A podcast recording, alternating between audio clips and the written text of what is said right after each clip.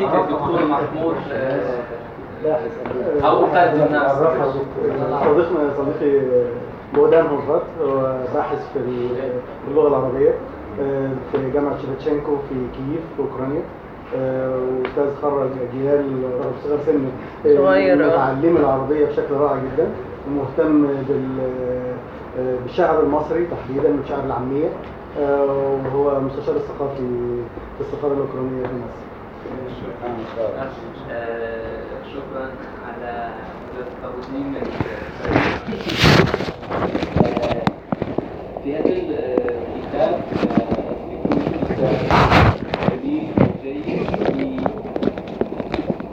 آه، تقاليد أبدية انتقال واستبدال آه، عندما قرأت في الديوان فكرت في فؤاد حداد وفكرت الجابري آه، لكن آه، مداخلتي حول.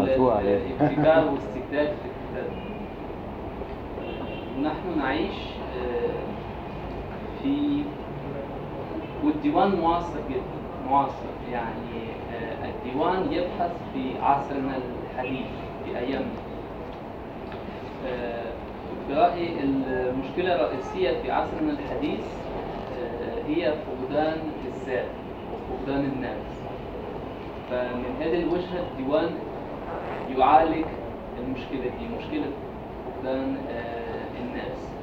آه، زي الأستاذة ال- ال clipping التفكير المقاطع أو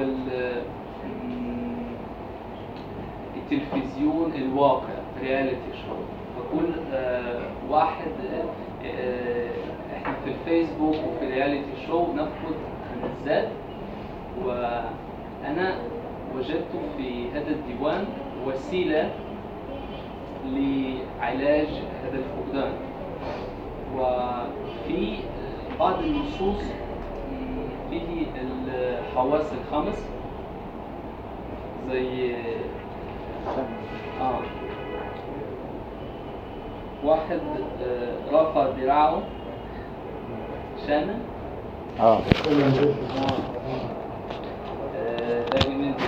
وأيضا آه، فيه مش الحواس الخمس التقليدية بس لكن أيضا الحواس الأخرى مثل الضغط مثل العطش والجوع وأنا لما أقرأ ال- العطش والجوع. آه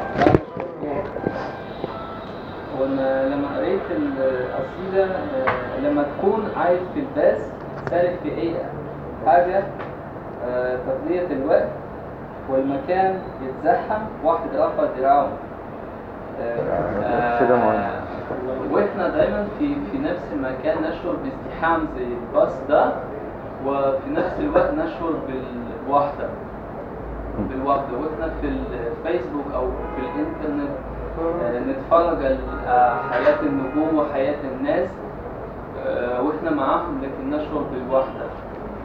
فبالنسبة بالنسبة لفكرة فقدان الذات أو فقدان الناس فالكتاب ده آه، يبنى وسيلة آه، مع كل ال- آه، الحواس دول وسيلة آه، آه، آه، لنعيش في في في في العصر الحديث في هذا في هذا العصر شكرا.